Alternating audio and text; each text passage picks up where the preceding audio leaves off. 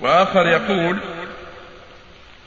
آه ما حكم المشاركة في أسابيع التي تقام مثل أسبوع النظافة وأسبوع الشجرة حيث أنه يطلب مني المشاركة بإلقاء كلمة أو تقديم حفل أو غير ذلك فهل في ذلك شيء؟ ما لا لا في هذا شيئا لما فيه من مصلحة المسلمين العامة وليس من جنس الأعياد بل هذا تعاون على شيء ينفع المسلمين وليس بعيد وليس مما حرم الله عز وجل إنما هو تعاون في أوقات معينة أو بين وقت وآخر لهذه المصالح. نعم.